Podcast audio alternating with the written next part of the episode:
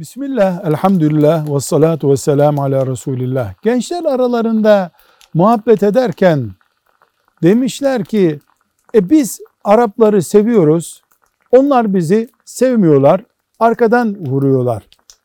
Bu ifadenin dini bir bağlantısı, din boyutu söz konusu olabilir mi diye bize soru yöneltmişler. Bir kere bu kardeşlere diyoruz ki bu sözleri bir asırdan beri kim bizim içimize yayıyor? Bize ait sözleri de onların içinde kim yayıyor? Buna dikkat edelim. İki, Araplar dediğin 3-5 medya organında kalem oynatan veya kafirlerin elinde oyuncak olup bir konumda yöneticilik yapan birileri midir? Yoksa sayısı 10 milyonlarca olan Müslüman kardeşlerimiz midir?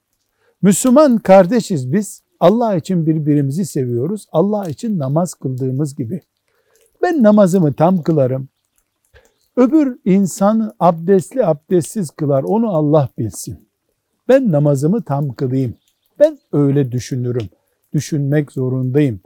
Birilerinin aramıza kattığı fitneler yerine Allah'ın bize verdiği mümin kardeşler ismine dikkat edelim. Velhamdülillahi Rabbil Alemin.